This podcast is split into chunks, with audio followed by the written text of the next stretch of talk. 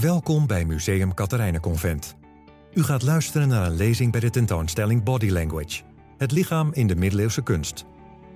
Deze lezingen worden u aangeboden door de vrienden van het museum. U gaat nu luisteren naar Mystieke devotie rondom het lichaam van Christus, door kunsthistoricus Paul Breuker. Het gaat in het verhaal van vandaag uh, vooral om een ja, nogal specifiek aspect in de kunst van de periode uit ja, zeg maar de late middeleeuwen, zeg maar heel ruim gesproken de laatste twee eeuwen van die middeleeuwen. En in die periode kunnen we een, ja, een hele nieuwe vorm van ja, christelijke spiritualiteit waarnemen. En uh, juist onder invloed van die spiritualiteit, van die nieuwe spiritualiteit, zien we allerlei nieuwe thema's in de kunst opkomen, waarvan we ja, veelal kunnen vaststellen, wanneer u thuis bent in de Bijbel, eh, dat die verhalen niet in de Bijbel staan. Sommige wel, maar dan zijn er toch weer net hè, andere aspecten van een bepaald verhaal, eh, die we niet eerder in de kunst gezien hebben. Dus het verhaal nou ja, in zijn geheel wel, maar bepaalde nieuwe aspecten. En het gaat bij die nieuwe aspecten over het algemeen om ja, het, eh, het lijden van Christus. In de nieuwe geloofsbeleving zien we dat uh, ja, het uh, getormenteerde lichaam van Jezus echt centraal komt te staan. En onder invloed ook van die nieuwe geloofsbeleving zien we dat er eh, dus in de mystieke eigentijdse literatuur eh, dat lijden van Christus veel ja, gruwelijker, veel indringender, hè, zou je kunnen zeggen, hè, wordt, eh, wordt beschreven en dus ook afgebeeld. En dat dus, dat zal ik daar ook nog even uitleggen. En dus ook afgebeeld in de kunst. Want het hele bijzondere, onder andere aan die nieuwe spiritualiteit, is dat de kunstwerken een onlosmakelijk deel van, of onlosmakelijk verbonden is aan die nieuwe spiritualiteit. Het hoort er echt bij. Zonder de kunstvoorwerpen, dan, ja, dan begrijp je die nieuwe spiritualiteit eigenlijk gewoon niet. Nou, is misschien wat zwaar aangezet, maar dat, dat wil ik in ieder geval in het begin even doen. Dus het lijden van Jezus staat nadrukkelijk centraal. En middels de mystieke literatuur, daar zal ik er nog wat uitgebreider over hebben, van, die, eh, van die periode. Uh, ja, en ook middels dus de kunstvoorwerpen wordt uh, het lijden van Jezus dus nou ja, uitgebreid beschreven en uitgebreid in beeld gebracht. En dat doet men, dat lieten de opdrachtgevers in ieder geval doen om die kunstvoorwerpen en ook de literatuur als uitgangspunt te laten dienen als, nou ja, als steun in de rug voor de gelovigen die die nieuwe spiritualiteit aanhouden. Daar wil, wij willen aansluiten.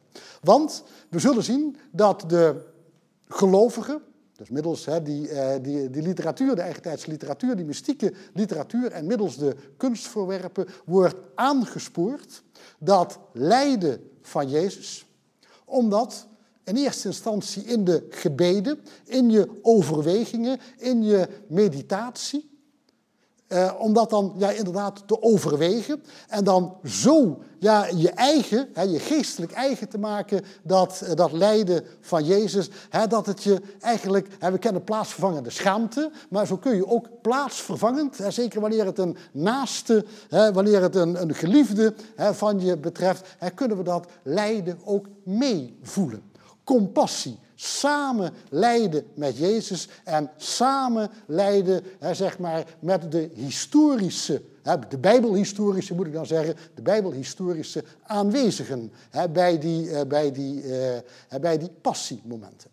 En de, het moet zo worden overwegen, meditatio, dat het overgaat in navolging streepje imitatio. Dus meditatio, hè, dat is mooi gezegd, dat is niet van mezelf, dat staat ergens in een bepaalde catalogus. Meditatio gaat over in imitatio. En daarmee hebben we hè, die, nou ja, die nieuwe cultuur, die nieuwe gebedscultuur, denk ik al ja, behoorlijk uh, ja, aangezet, zou je kunnen zeggen. Want het is de tijd, en dat staat hier ook ergens boven, hè, de tijd van de imitatio Christi.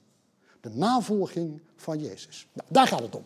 En een van de hele fraaie uh, kunstwerken, misschien wel het belangrijkste kunstwerk. Dat, is niet, dat zeg ik niet alleen hè, vanwege de lezing hè, van het verhaal van vandaag. En ook niet speciaal hè, omdat dit schilderij op de schilderijtje, zo groot, u kent het waarschijnlijk wel. Hè, uh, dit schilderijtje behoort wellicht tot het belangrijkste werk in, uh, van Museum Convent. Een schilderijtje van, dat, tje, dat wil ik benadrukken, zal dadelijk ook nog van enig belang blijken te zijn. Uh, waarbij beide aspecten, daarom wil ik hier graag mee beginnen, beide aspecten, hè, de imitatio, nee eerst hè, moet ik zeggen de meditatio, de overweging, brengt dit in beeld. Hè, dus je moet de passiemomenten, de lijdensmomenten van Jezus nou ja, overdenken in je meditatie en dat gaat dan over in imitatio. En beide aspecten dus, van hè, dus overweging en hè, van, uh, van navolging zitten in dit schilderijtje. En waartoe het dient, daar kom ik dadelijk, hè, kom ik dadelijk nog wel op. Schilderijtje van Geert tot, tot Sint-Jans. En u ziet daar hè, aangegeven dat het inderdaad een heel klein schilderijtje is. Dus dadelijk, hè, dit is al veel hè, groter dan de werkelijkheid is. En dadelijk ook nog een aantal details, hè, zodat we er heel goed hè, kunnen, ja, in kunnen treden in dat schilderij. Schilderij van Geert tot Sint-Jans. En we zien daar, een beetje pro forma wil ik het eh, beschrijven, we zien daar hè, dat Jezus eh, eh, nou ja, door middel van het kruis zwaar... Nou nee, laat ik eerst dit zeggen. Hij staat in een, ja, in een beetje schuin opgestelde sarcofaag. En zijn lichaam, u ziet dat wel, dat is heel duidelijk, hij is volledig overdekt met, ja, met bloedende wonden lichaam, hè, door die geesteling, hè, helemaal opengeslagen. Enfin, daar getuigt dat lichaam van. En er wordt dus hè, echt, gaat dat lichaam zwaar gebukt onder de druk van het kruis. En zijn lichaam vindt, dat labiele lichaam van Jezus, dat vindt enige steun door hem met zijn knieën tegen de bovenrand van die sarcofaag aan te leunen, zeg het maar zo. En dan zien we hier aan de voorzijde, aan de lange voorzijde van die sarcofaag herkennen we een aantal bijbelse figuren. We herkennen Maria en uiteindelijk met name daar die pijpenkrullen, een beetje dat feminine uiterlijk, daar herkennen we Johannes, Johannes de evangelist. Een van de jongste apostel van Jezus herkennen we daar. En aan deze zijde, door die lange haren, ook dat zullen we dadelijk in detail zien, herkennen we Maria Magdalena. Historische figuren uit de Bijbel in ieder geval. En wanneer we, nou laten we het maar direct, hè, oh nee, nog even beschrijven, hier een aantal engelen die, u herkent het hier en daar al, hè, de passiewerktuigen, de zogenaamde arma Christi. De wapenen van Christus waarmee hij de overwinning, nou ja, zeg maar, op al het aardse heeft bereikt. Of behaald, zou je kunnen zeggen. Nou, laten we eens in detail gaan kijken. En dan zien we hier hè, dat de Bijbelse aanwezigen, dat Maria en Johannes hè, zwaar zijn aangedaan door het lijden, door de ellende hè, die hun geliefde, een geliefde voorganger, hè, zo mag je het ook zeggen, eh, is, uh, is uh, wat hem is, is aangedaan en wat hij heeft moeten ondergaan. we zien dat smachtelijk gelaat. Johannes die is, die is bezig met de tranen zelfs. Ik hoop dat u die tranen hier goed kunt zien. En zeker die van Maria. We zien ook die rood omrande ogen. Ze zijn zeer aangedaan door alles wat Jezus is overkomen. Ook dat is van belang, zullen we daar wel zien. En ook Maria Magdalena, hè, u ziet dat hier hè, met daar die enorme tranen, die houdt het ook niet droog. En wanneer zij het lijden van Jezus lijkt ook, net als de gelovigen dat moet doen. Dus daarom staan die, hè, die, die, die, die, die, die, die, ja, die, uh, nou ja, die bijbelhistorische aanwezig, hè, daarom staan ze hier opgesteld. Zij geven aan hoe hè, uiteindelijk de beschouwer van dit kleine schilderijtje het lijden van Jezus moet overwegen. Een uitgangspunt hè, voor die overweging. En nou ja, door te treuren, hè, nou ja, raakt de gelovige, raakt de beschouwer al enigszins nou ja, in de juiste sfeer hè, van, de, nou ja, van het overwegen, van het lijden van Jezus en de navolging daarvan. En daarboven hè, zien we dan, eens kijken als dat lukt, hè, dan zien we een aantal engelen. Ook zij hè, zijn zeer aangedaan hè, door het lijden van Jezus. En daar zien we hè, samenvattend eigenlijk al een beetje als verwijzing naar dat lijden van Jezus, zien we dus de, de, de, de, de kruisnagels, enorme kruisnagels. En de andere engelen, hier, u kijkt ook allemaal tranen en zo. Een andere engel heeft hier de rietstengel met de edictspons. Zien we hier de, hè, de lans hè, met de bebloede punt, herkent u hier. En hier de geestelkolom met hè, de geestelroede, de zweep en dergelijke. Verwijst naar de geesteling van Jezus. Goed, terug naar het geheel. Want veel meer nog hè, dat Jezus gebukt gaat hè, onder nou ja, alles wat hem is aangedaan. Fysiek gebukt gaat onder alles wat hem is aangegaan. Gaat hij emotioneel en nou kom ik naar het tweede aspect. Eerst de, de, de, de meditatio, daarna de imitatio. Gaat Jezus dus gebukt, geestelijk gebukt, onder alles wat hem is aangedaan. Hij kijkt heel direct uit het beeldvlak van het schilderij. Hij kijkt niet naar die engelen, niet naar nou ja, zijn, zijn meest getrouwen, zou je kunnen zeggen. Nee, hij kijkt heel direct. En dat kunnen we zo nog beter zien. En met zijn ja, bloed, nou ja, over dingen, oh, nou ja, dingen nou ja, met zijn bloed op het gelaat en dergelijke. En dat bloed, de, de, de oorsprong daarvan, dat zijn die diepe doren, die dorens van de doornenkroon, die diep in de hoofdhuid van Jezus doordringen. En van enorm veel stralen lopen over het gelaat van Jezus naar beneden. En ook zijn smachtelijke blik en ook die mond. het is eigenlijk allemaal gruwelijk. wanneer we ons dat realiseren, wanneer we daar echt naar kijken. Het is allemaal gruwelijk wat Jezus dus is overkomen. En dat hij dat ook emotioneel zo voelt. Het lijkt wel, hij kijkt zo direct naar degene die dit schilderijtje in de beslotenheid, noem het maar zo, van zijn, van zijn kloostercel, want dat staat vast, dat het eh, afkomstig uit het Johanniterklooster, niet uit Haarlem, wat zo vaak weer wordt gezegd, maar uit, uh, uit uh, en naar het schijnt uit, uit Utrecht, dat de monnik, die we verder niet kennen, de monnik hè, die dit schilderijtje had in zijn, ja, in zijn de beslotenheid, zei ik net al, van zijn kloostercel, hè, moet het wel een enorm hè, aanspreekpunt zijn geweest. Zeker omdat Jezus zo direct hè, vanuit het beeldvlak naar hem kijkt.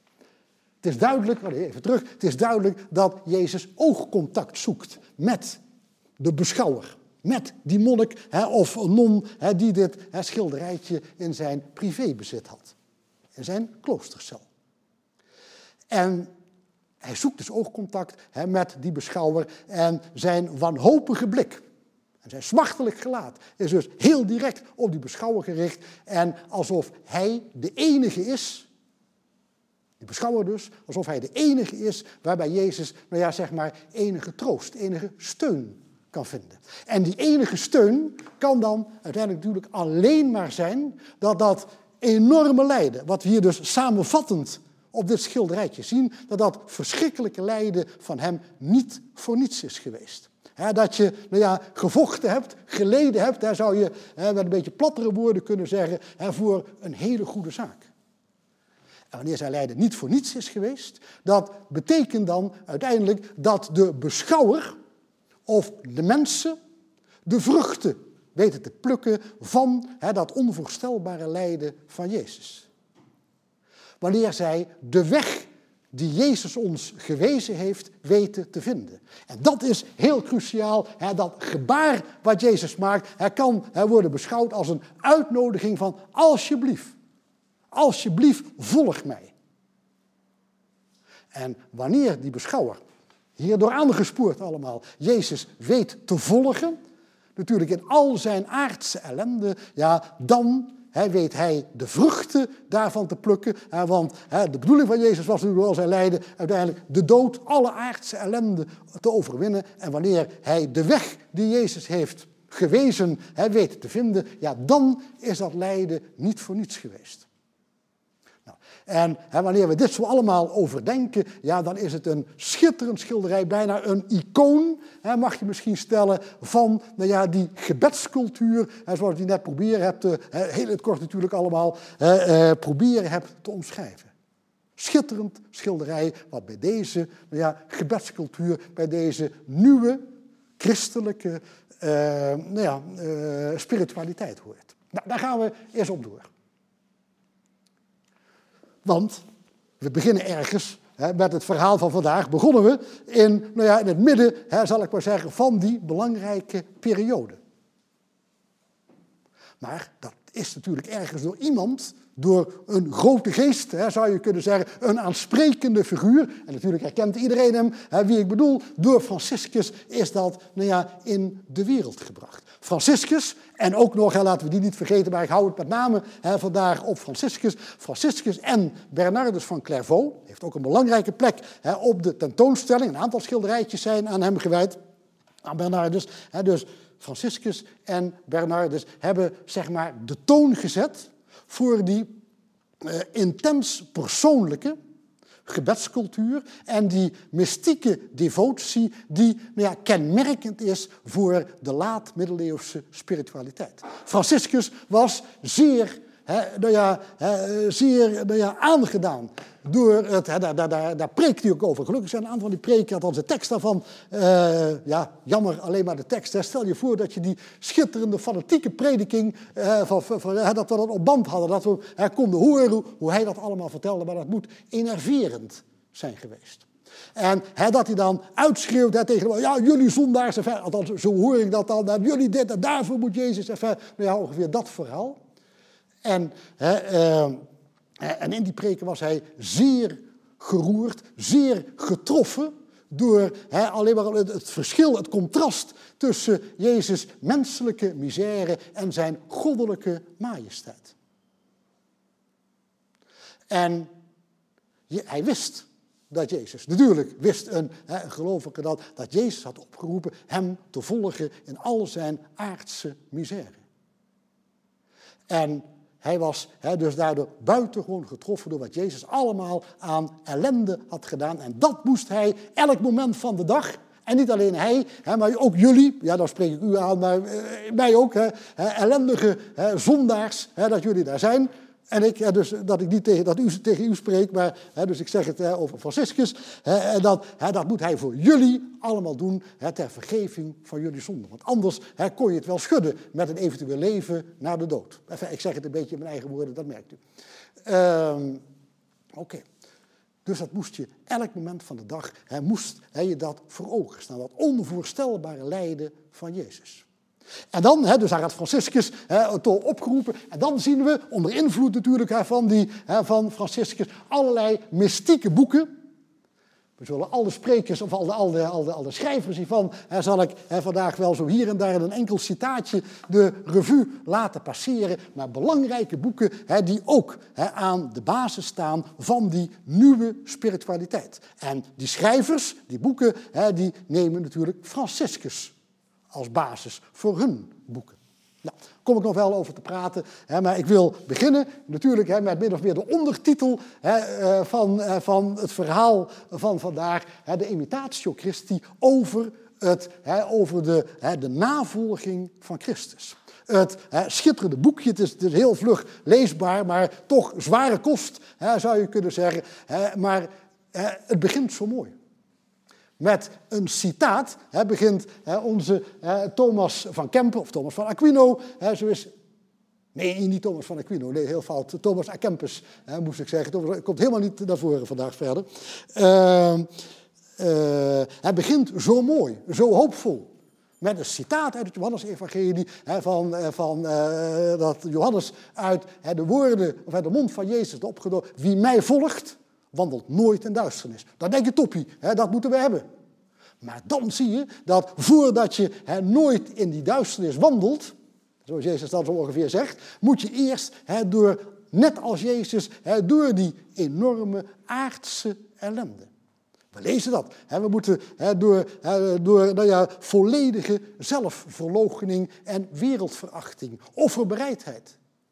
Nederigheid, armoede en lijden, enfin, noem al die dingen maar op. Daar moeten we doorheen. Ja, en dan, ja, dan pas, hè, moet je zeggen, kun je Jezus volgen in zijn, nou ja, nooit meer in duisternis wandelen. Dus eerst door de aardse duisternis, en dan kun je, net als Jezus, net als de mens Jezus, hè, moet ik zeggen, opstaan uit de dood en je weer, nou ja, conformeren, verenigen hè, met de oorspronkelijke scheppingsharmonie. Een schitterend vooruitzicht. Maar niet hier op aarde. Uh, dus nou ja, dat is natuurlijk ontzettend belangrijk. We zullen uh, bepaalde citaten uit het boekje zullen vandaag nog wel tegenkomen. Ik wil dan de onderwerpen, dat ga ik al wat sneller doen, wil ik uh, beginnen met, met, hier staat hebben het boekje De Openbaringen van Brigitta van Zweden. Een kloosternon uit Zweden. Enfin, dat is duidelijk wat haar naam betreft. En Franciscus, de volgende doe je, die maar doen. Franciscus had gesteld ook, hoewel ik al die preken niet gelezen heb, maar ja, dat lees je dan ook weer in de boeken hierover, uh, had gesteld dat uh, het lijden van Jezus niet pas begon in de, uh, zeg maar, de lijdensweek, vanaf, ik zeg maar iets vanaf, hoe heet dat, Witte Donderdag. Nee, dat begon al direct bij de geboorte. Het was vanaf dat moment was het lijden hè, bij Jezus wat de klok sloeg. Want hij wist het natuurlijk. Althans, zo stelde hij dat aan de mensen voor. Dat Jezus geboren werd in grote armoede. Zijn ouders waren op de vlucht in een omgeving, dat, ja, de, de, de tochtige uh, winterplaats. En juist die nacht was, het, was het ontzettend koud in die winternacht en dergelijke. En de ouders waren te arm om nou ja, behoorlijke kliertjes voor Jezus te kopen. Het armoedige, we zien dat het daar humpie daar liggen zonder kleren en bibberen bibberen maar, zouden we kunnen zeggen. Nou, dat laatste zien we niet echt. Maar dit is geen wat we hier zien, geen historische, bijbelhistorische voorstelling van, hè, van, de, van de geboorte van Jezus. Nee, dat staat er ook onder, dit is het geboortevisioen van die Brigitta van Zweden. In navolging hè, van, hè, van een heleboel mensen in die periode, om dat lijden bijna met de ogen waar te nemen, ging men naar Jeruzalem, waar de Franciscaner monniken zeg maar een, een kruisweg hadden ja, zoals Piet Leuper dat gezegd heeft, hadden uitgevonden. Op elke plek hij wist wat daar is dat gebeurd bij de leider van Jezus, daar is dat gebeurd. Enfin, zo maakte men een kruisweg met, met een aantal staties. En de mensen moesten daar stilstaan, statio, station, omdat de trein daar stil... Nou ja, je moest daar geestelijk stilstaan bij die leidersmomenten van Jezus. Nou ja, dat is eigenlijk niet zo belangrijk, dat wil ik ook eigenlijk helemaal niet zeggen. Het gaat erom dat Brigitta toen zij uiteindelijk hè, die tocht maakte, die pelgrimstocht, hè, maakte van Jeruzalem naar Bethlehem, dat toen haar openbaringen begonnen. Zij werd door niemand minder in haar visioenen, in haar extase, zo vertelt ze dat in haar openbaringen, hè, door niemand minder dan Maria zelf, werd haar geopenbaard hoe het allemaal is geweest in die kerstnacht, tijdens de geboorte van Jezus. En dan, hè, onder andere, want, want, kijk, dit is geen bijbelhistorisch verhaal weer, want dit is Brigitta, die zit daar, dat is kloosternon, en dit is hè, wat zij meemaakt, wat zij voelt, wat zij in haar extatische visioen, hè, zo mag je het eh, misschien wel zeggen, nou ja, beleeft en ziet, alleen maar geestelijk ziet. En dan ziet ze precies hè, wat, eh, wat eh, Maria haar geopenbaard heeft, dat toen zij voelde, zo staat het bijna letterlijk. Uh, ja, kan dat, oh nee, ik kan dat niet oplezen, ik heb het niet. Maar uh, er staat er bijna letterlijk, ja kind, zo spreekt zij tegen Brigitta, ja kind, toen ik voelde dat het mijn tijd was, deed ik mijn overmantel uit, dat, die zien we hier liggen, zodat ik daar alleen maar in mijn witte onderkleed was ik daar. Ik neem mijn hoofddoek af, zodat de goudblonde lokken eh, nou ja, over haar rug vielen. We kunnen dat hier ook zien. Ze doet de schoenen uit. Ze legt wat lapjes klaar en dergelijke. En dan ineens, zonder dat ze er verder lichamelijk iets van merkt, zonder weeën dus. Uh, nee, dat zou te ver. Uh, dus zonder weeën, ineens is hij daar. En dan Huilen, huilen, huilen vanwege die kou en noem het allemaal maar op. Hè, van die gure uh, winternacht enzovoort enzovoort. Dus dat lijden, navolging van Franciscus, hè, werd dat door Maria ja, verteld zou je kunnen zeggen, aan Brigitta. Dus dat is het geboorteverzoek. Het lijden begon dus al direct bij de geboorte van Jezus. Nou, dan maken we een grote stap. We zijn hier bij de dood van Jezus, want hier zien we Franciscus. Voorstelling uit die schitterende onderkerk in, eh, in de, de van de basiliek van Franciscus in Assisi. Je kunt daar meelezen. Schitterend. Als je daar komt, wat, wat, wat nou ja, aan, aan kunstwerk is onvoorstelbaar. En daar zie je dan de kruisiging. Maar ook dit is weer geen historische afbeelding van de kruisiging. Want u weet het wel, dat Franciscus en zijn volgelingen daar natuurlijk niet bij waren. Nee, het is het beeld dat Franciscus in zijn hoofd haalde om op die manier het kruis, de kruising van Jezus, die enorme ellende, hè, lichamelijke ellende van Jezus bij die kruising, om dat zich voor te stellen. Dus het is een beeld van de kruisiging hè, dat heerst in het, in het hoofd, in de geest van Franciscus. En, daar stelde hij zijn volgelingen verplicht, ook hè, in hè, de, de, de hoofden, in de geest van zijn volgelingen. Een geestelijk hè, krijg je iets ook voor, hè, voor nou ja, dat, nou ja, dat, dat kun je geestelijk voor elkaar krijgen. En dan zijn eigen, dat is natuurlijk een heel bekend verhaal, ik denk dat daar kort, kort over kan zijn, zijn eigen meditatie, overdenking van dat lijden van Jezus ging in de geest zo onvoorstelbaar ver, dat hij werkelijk het lijden aan den lijve ondervond.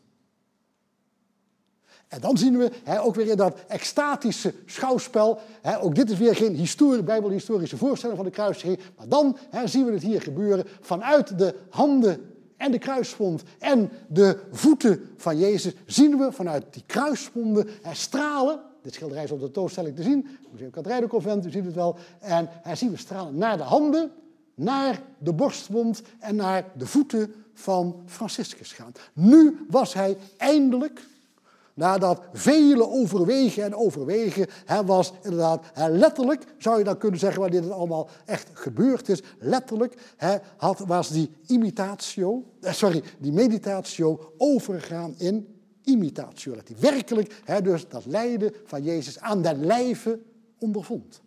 Nou, een paar details daarvan. Je kunt het allemaal op de tentoonstelling bekijken. Daar zien we die stralen bloed naar de handen gaan. En deze straal vanuit de borst naar de borst van Franciscus. Nou ja, u ziet het eigenlijk allemaal wel. En hier ook naar de voeten. Goed. Dan eigenlijk bijna een puur symbolische voorstelling. Een symbolische voorstelling van een aspect wat we gezien hebben op dat schilderij.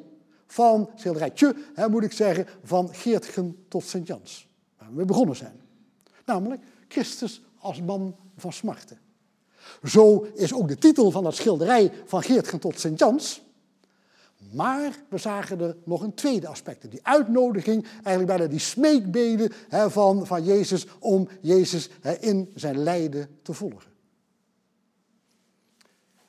En dan is dit wel een, volledige voorstel van Jezus man van smart. U ziet ook weer al die ellende die Jezus overkomen. En Franciscus heeft zich dat zo eigen gemaakt dat we weer dat extatische visioen zien. Wat wordt beschreven ook, dat hij zag een gekruisigde serafijn. Met die zes vleugels, natuurlijk herkennen we daar Jezus. En nou ja, zag hij vanuit de kruiswonden, zag hij die stralen bloed naar hemzelf gaan. Dus weer, hij kreeg werkelijk die, nou ja, die kruiswonden van Jezus, ondervond hij werkelijk aan den lijve. Hier zien we weer een flink aantal aspecten van dat lijden. Maar ik heb er deze met name om twee redenen eigenlijk in gedaan. A, vanwege het feit dat dit is gemaakt door hè, een verder onbekende hè, meester van de beweging van Christus de Lindau. Nou, die staat hè, de laatste weken vanwege die restauratie van dat schilderij hè, van de kruisiging, hè, zo we daar ook wel zien, van die meester van Lindau, van Lindau staat dat, dat, dat, dat schilderij, staat deze meester, nou, ook in het Katerijnenconvent behoorlijk in de belangstelling. Dus laat, dadelijk je kunt kiezen uiteindelijk, want er zijn zoveel van dit soort voorstellingen. Maar daarom heb ik dit, deze, dit schilderijtje van die onbekende meester gekozen. Aardig is ook dat we hier, Franciscus, zijn gedrag en zijn oproep sprak natuurlijk boekdelen en iedereen wilde zich geestelijk, zo ook de opdrachtgever en zijn vrouw, of de echtpaar, hij wil zich ook inleven door middel van dat beeld van Christus als man van smarten, zoveel mogelijk inleven in dat lijden van Jezus, zodat zij dat ook zoveel mogelijk geestelijk, daadwerkelijk ondervinden. Kijk eens hier. Kijk eens wat een extatische hè, nou ja, uh, uitdrukking. Hier heeft dat dramatische hè, gezicht. Enfin, u ziet het allemaal, die ellende van Jezus. En daar zien we die gekruisigde serafijn. Goed. Nu een beetje, beetje bijbelchronologisch. Want het begin, dan uiteindelijk, het lijden begint pas echt goed in de hof van Gethsemane. Ik zei het al, nieuwe thema's in de kunst, soms uit de Bijbel, maar veelal hè, dat ze in de periode hè, van, die, hè, van die nieuwe spiritualiteit pas nou ja, echt voor het eerst in de kunst komen. En hele nieuwe onderwerpen dus. Dus dit is wat we hier zien, een verhaal uit de Bijbel. Lucas en zijn zweet vielen grote druppels als bloed op de aarde. Hij was zo angstig hè, dat hij niet hè, gewoon ja, zweet zweette, als ik dat zo, zo mag zeggen, maar ook werkelijk bloed zweette was nog niet eerder afgebeeld. Niet voor hè, deze periode. En als we dan in detail bekijken, dan zien we daar dat gezicht van Jezus. En er komen niet alleen tranen uit de ogen, maar u ziet werkelijk, voordat hij gegezeld is, voor de door een kroning en dergelijke, dat hij werkelijk, u ziet die bloed spatten, hè, dat spat hier op zijn kleren en dat druppelt maar naar beneden, dat hij dus daadwerkelijk zo angstig, en dat is dan het uitgangspunt natuurlijk voor degene die dit schilderij gebruikte als uitgangspunt voor zijn devotie rondom het lijden van Jezus, is het natuurlijk een heel mooi, streepje ook gruwelijk, en natuurlijk hè, uitgangspunt. En dan gaan we door. Van de meeste voorbeelden hè, die ik laat zien, daar kun je echt een heleboel hè, nou ja, eh, voorbeelden op internet en dergelijke, kun je daar hè, van vinden. En dan, natuurlijk, het volgende moment, min of meer, is de kruisweg van Jezus. En we kennen al lang hè, voorstellingen van de kruisigingen voor hè, deze periode hè, die vandaag zo nadrukkelijk centraal staat. En dan zien we dat het eigenlijk altijd heel druk is de mensenmenigte, we zien ook vaak de stad, dat Jezus de stad uitgaat, dat die berg oploopt en dergelijke. En nou ja, joelende mensen, maar daarnaast ook, ook mensen die Jezus volgen. Of het algemeen Maria, Johannes en dergelijke. Maar hier is alles, qua omgeving, is hier weggelaten. Niets van dat alles wat ik net zo even een beetje beschreven heb en wat we dadelijk ook wel zullen zien nog. Maar wat een ja, schitterende, dramatische verrijking van dit aloude thema van de kruisiging, dat we Jezus hier volledig geïsoleerd uit dat beeld aantreffen. Er is geen ontkomen aan voor iemand die dit weer als spiritueel uitgangspunt bij zijn overweging van het lijden eh, gebruikt.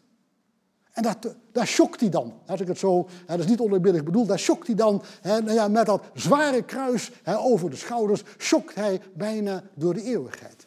En dan komt de tekst natuurlijk uit dat boek van Pseudo Bonaventura, hij komt naar voren bijna letterlijke, lijkt het wel, afbeelding daarvan, dat, dat hij zegt, kijk goed hoe hij daar voortgaat. Zijn rug gebogen onder het kruis.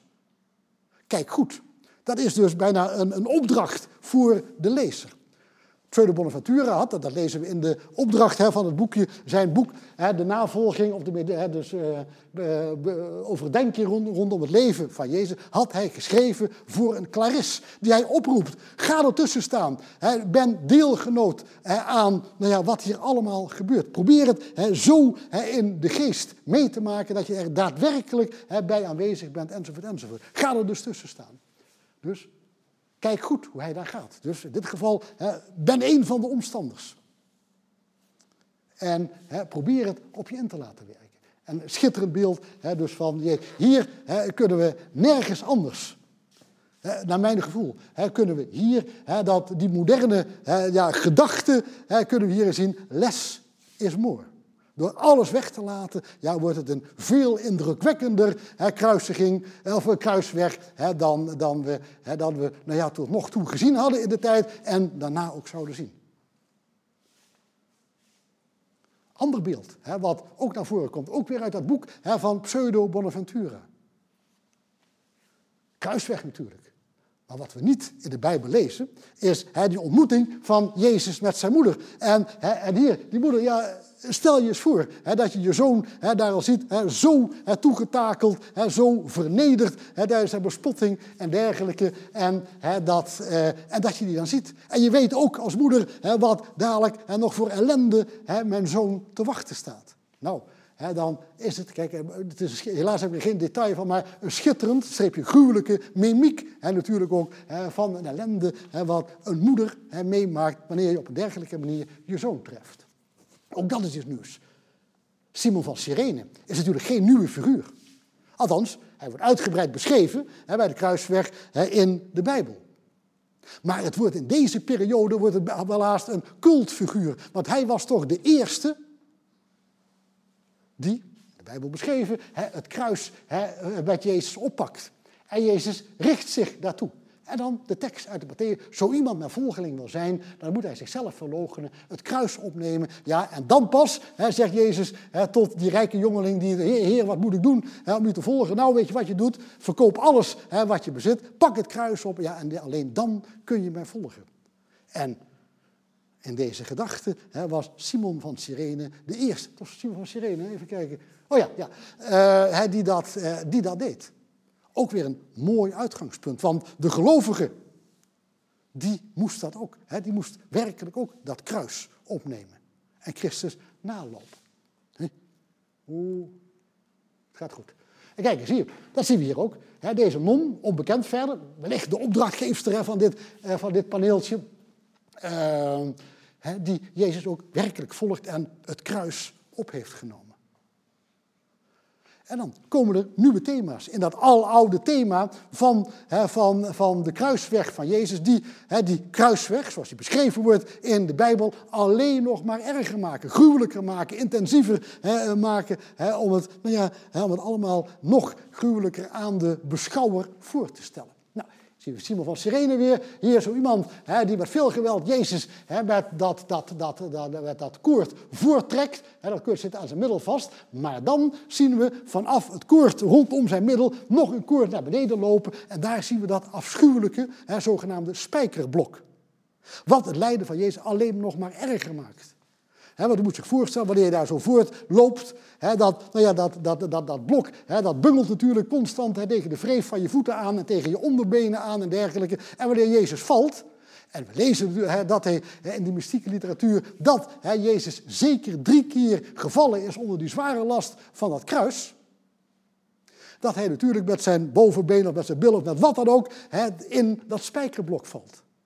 Ja, en dan is het een gruwelijk attribuut hè, om het lijden hè, van Jezus nog erger dan al in de Bijbel beschreven staat, hè, om dat aan de beschouwer voor te stellen. Even kijken, is nou al. Oeps. We hebben nog vijf minuten, dat, dat redden we niet.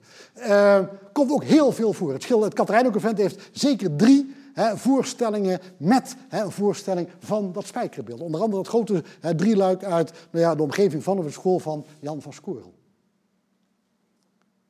Ja, nou, u ziet het wel. Goed. En dan weer een nieuw thema. Ontstaan in die, hè, beschreven voor het eerst in die mystieke literatuur, hè, die ik zojuist beschreven heb. Hier in een zogenaamd hè, passietractaat. Traktaat over nou ja, de leidersgeschiedenis van Jezus. En dan is een van die leidersmomenten, is, ja, de eerste zou zeggen, oh, dat, dat valt wel mee eigenlijk, is de ontkleding van Jezus. Maar de mensen die die boeken schreven, die dachten natuurlijk door en door. Die kenden de Bijbel ook maar al te goed. En dan lezen we in het Matthäus-evangelie dat nadat Jezus bespot was, trokken ze hem zijn spotmantel, die dure mooie koningsmantel, die trokken ze weer uit en deden hem zijn gewone kleren weer aan. En dan een stuk later, lezen we niks meer over die, die kleren, en dan, nadat ze hem gekruisigd hadden, verdeelden zij zijn kleren bij het lot. Dus dat moet, dus, hè, dat, dat moet dus gebeurd zijn in die tussentijd, wat niet in de Bijbel beschreven is, dat ze hem de kleren uittrokken. Nou, dat, dat zien we hier ook uitgebeeld.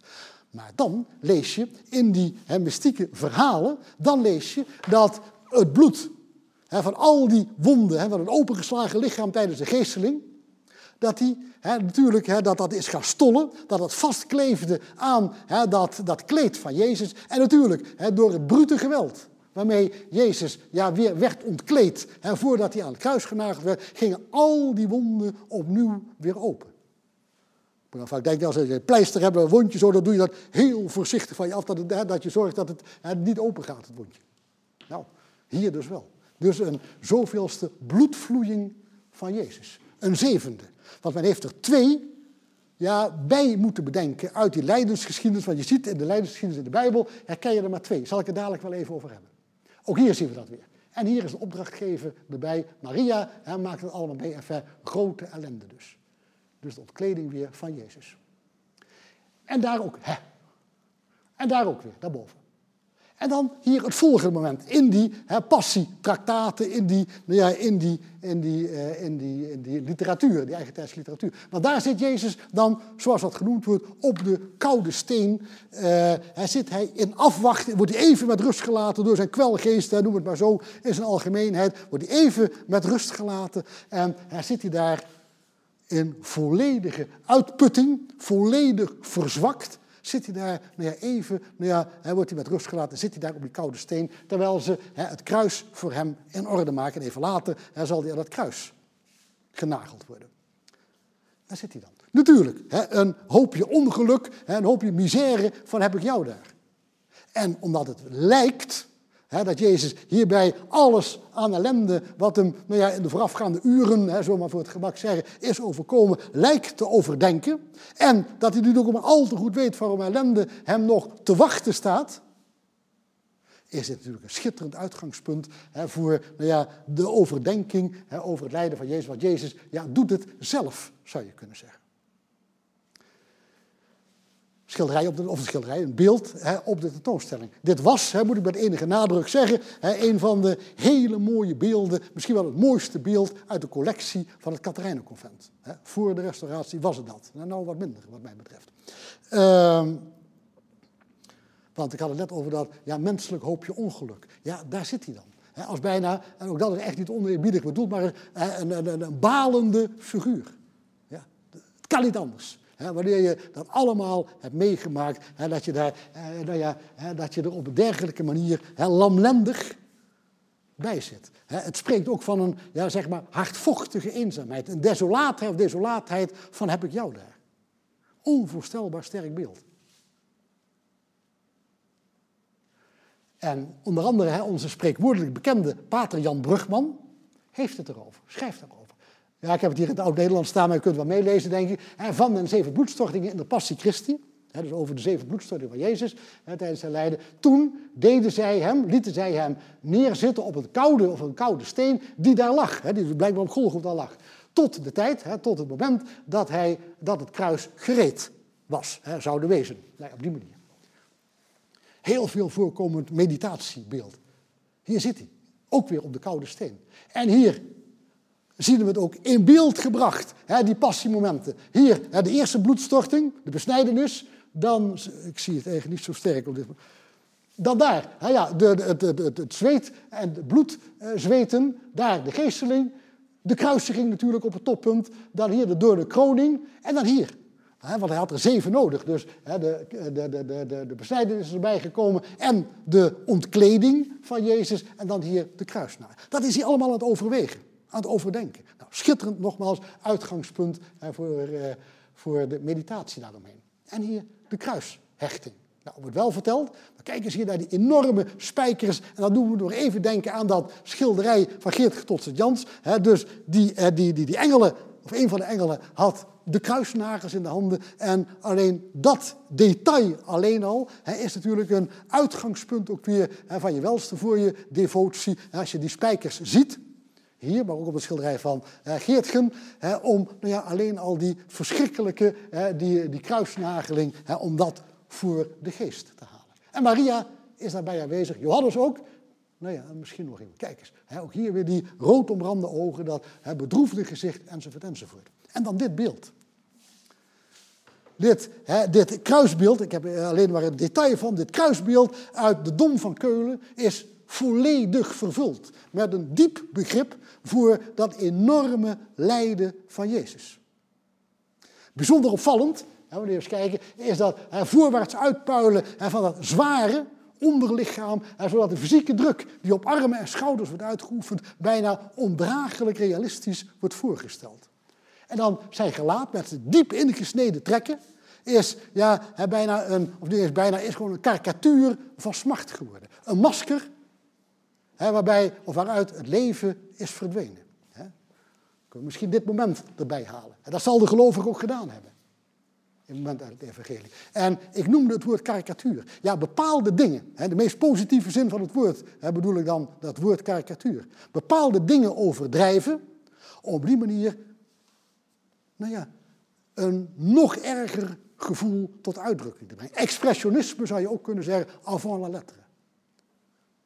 Van een ongelooflijk hoog niveau. Het kost in eerste instantie enige moeite om de schoonheid van dergelijke lelijkheid, de gruwelijkheid van dit moment, nou ja, om daar de schoonheid van in te zien. Maar wanneer je een beetje weet wat de bedoeling moet zijn geweest, ja, dan is het schitterend een gevoel wat overgebracht moet worden in expressionisme.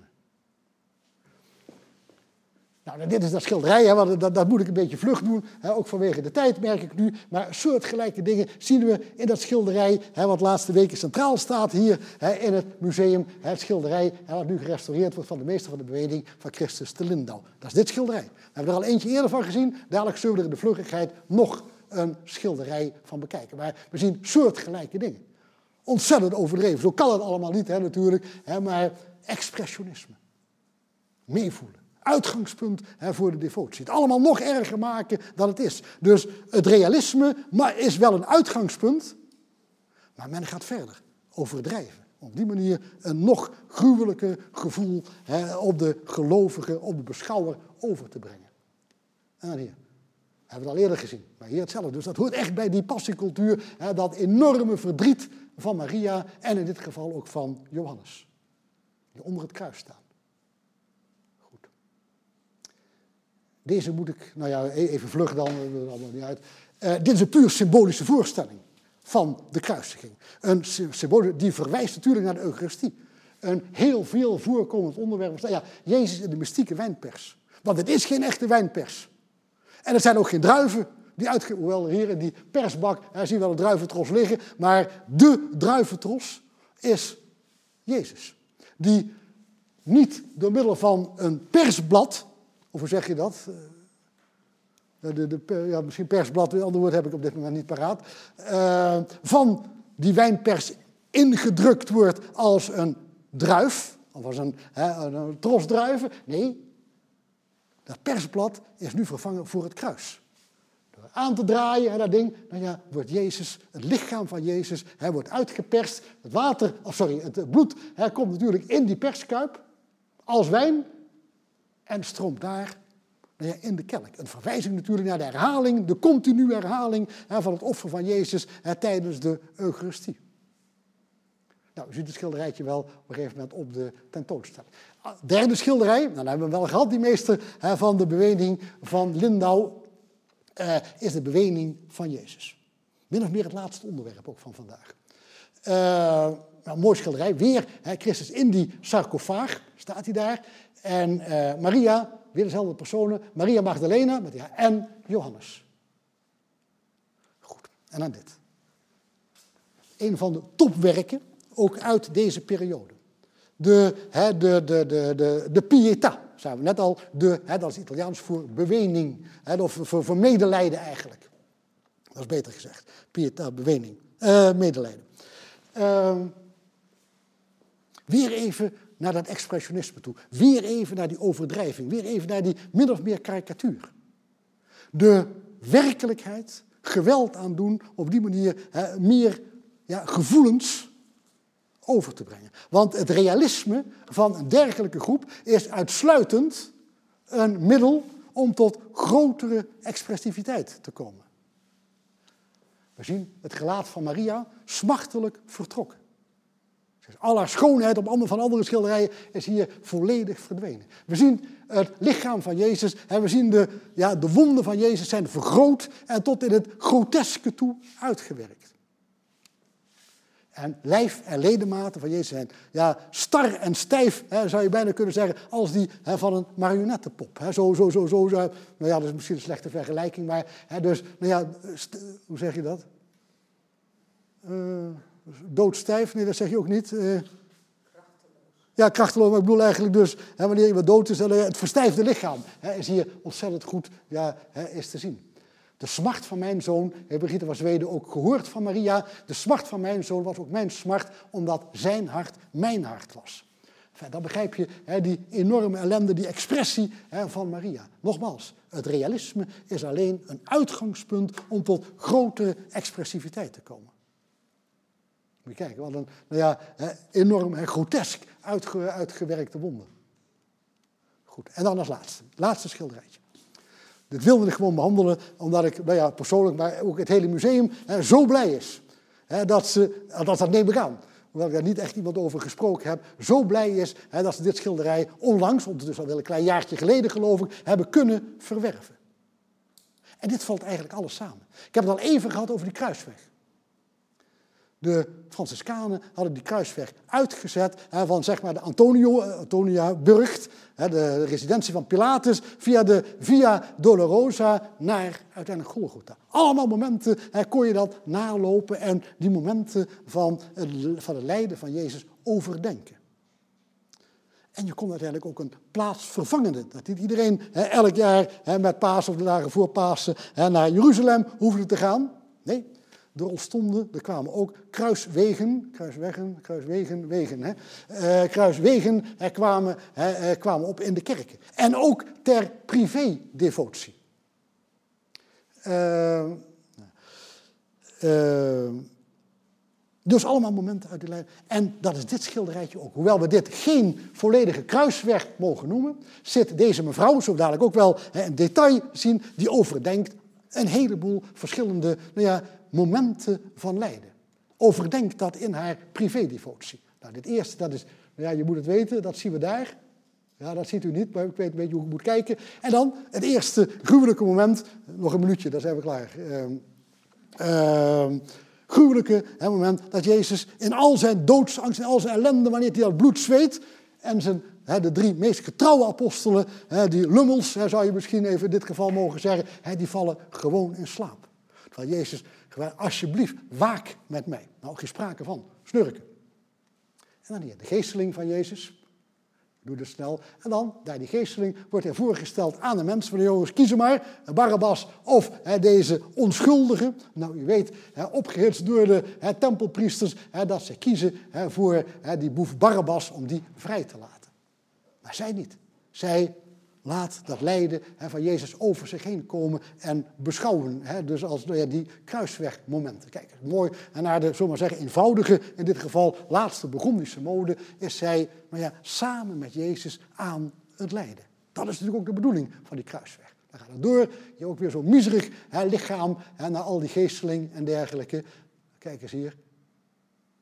Niet direct mooi, maar wel schitterend allemaal hè, qua, hè, om je in te leven dat lijden. Nou, daarna hè, gaat het van dat bordes, gaat het hier door de poort van Jeruzalem richting Golgotha.